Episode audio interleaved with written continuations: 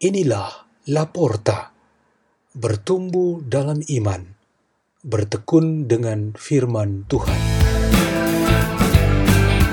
Dibawakan oleh Nikolaus Kristama dari Paroki Santo Yakobus Kelapa Gading dan Magdalena Apriana Ribeiro dari Gereja Kalvari Paroki Lubang Buaya, Keuskupan Agung Jakarta.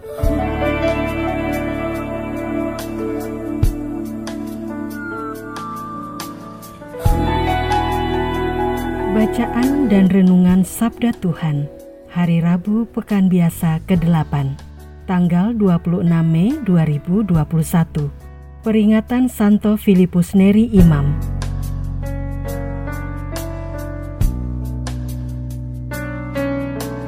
Inilah Injil Tuhan kita Yesus Kristus menurut Markus. Sekali peristiwa, Yesus dan murid-muridnya sedang dalam perjalanan ke Yerusalem Yesus berjalan di depan. Para murid merasa cemas, dan orang-orang yang mengikuti Dia dari belakang pun merasa takut. Sekali lagi, Yesus memanggil kedua belas muridnya, dan Ia mulai mengatakan kepada mereka apa yang akan terjadi atas dirinya. Yesus berkata, "Sekarang kita pergi ke Yerusalem, dan Anak Manusia akan diserahkan kepada imam-imam kepala dan ahli-ahli Taurat." Mereka akan menjatuhi dia hukuman mati. Mereka akan menyerahkan dia kepada bangsa-bangsa yang tidak mengenal Allah. Ia akan diolok-olokkan, diludahi, disesah, dan dibunuh. Dan sesudah tiga hari, ia akan bangkit. Kamu tidak tahu apa yang kamu minta. Sanggupkah kalian meminum piala yang harus kuminum dan dibaptis dengan pembaptisan yang harus kuterima? Mereka menjawab, kami sanggup. Yesus selalu berkata kepada mereka, Memang, kamu akan meminum piala yang harus kuminum, dan akan dibaptis dengan baptisan yang harus kuterima. Tetapi hal duduk di sebelah kanan atau di kiriku, aku tidak berhak memberikannya. Itu akan diberikan kepada orang-orang yang baginya telah disediakan. Mendengar itu, kesepuluh murid yang lain menjadi marah kepada Yakobus dan Yohanes. Tetapi Yesus memanggil mereka lalu berkata, "Kalian tahu bahwa orang-orang yang disebut pemerintah bangsa-bangsa memerintah rakyatnya dengan tangan besi, dan pembesar-pembesarnya menjalankan kuasanya dengan keras atas mereka. Tetapi janganlah demikian di antara kalian. Barang siapa ingin menjadi besar di antara kalian, hendaklah ia menjadi pelayanmu. Dan barang siapa ingin menjadi yang terkemuka di antara kalian, hendaklah ia menjadi hamba untuk semuanya. Sebab anak manusia pun datang bukan untuk dilayani, melainkan untuk melayani, dan untuk memberikan nyawanya sebagai tebusan bagi banyak orang. Demikianlah Injil Tuhan.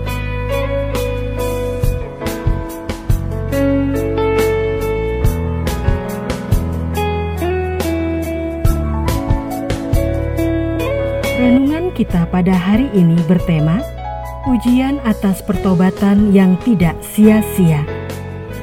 Ada seorang pemuda usia 18 tahun, berasal dari Florence, Italia, yang sudah dikenal dalam keluarga dan teman-teman sebagai seorang yang saleh dan baik. Karena kualitasnya itu, ia diminta untuk mengurusi bisnis satu keluarga kaya di kota itu.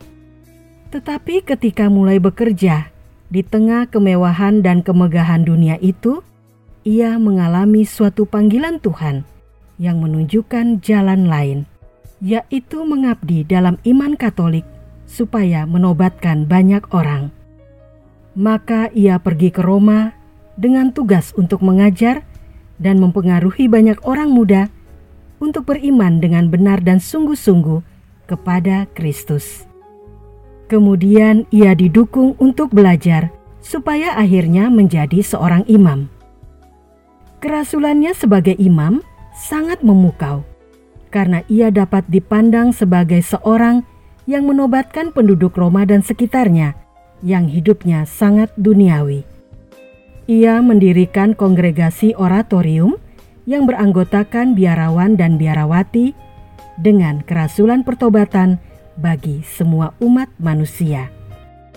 Imam ini adalah yang sekarang kita kenal sebagai Santo Filipus Neri. Santo Filipus pantas mendapat gelar seorang guru pertobatan dan ia layak dipuji. Namun pujian yang membuat kita senang dan bangga ini karena yang melakukan semua itu ialah Yesus Kristus sendiri. Tindakan puncak dari semua perbuatannya di dunia ialah menebus umat manusia dengan darahnya sendiri sebagai darah anak domba tak bernoda, darah Kristus.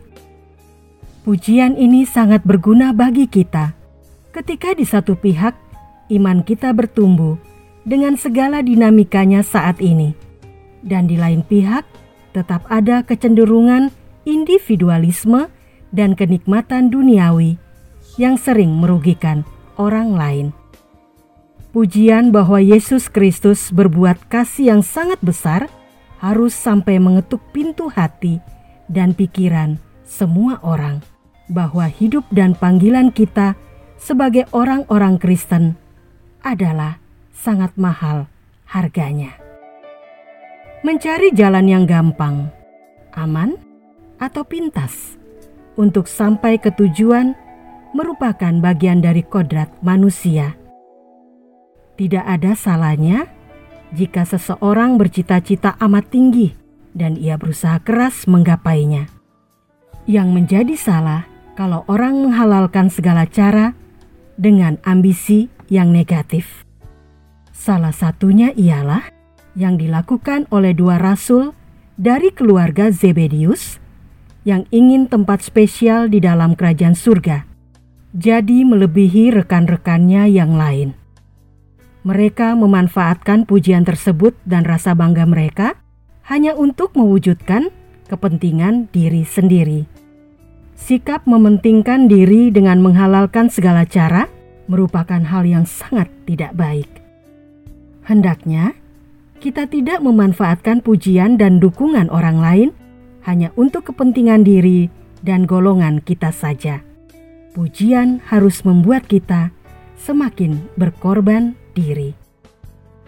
Marilah kita berdoa dalam nama Bapa dan Putra dan Roh Kudus. Amin. Ya Allah Maha Kuasa, berkatilah kami dengan karunia rahmat kerendahan hati yang benar. Salam Maria penuh rahmat Tuhan sertamu. Terpujilah engkau di antara wanita, dan terpujilah buat tubuhmu Yesus.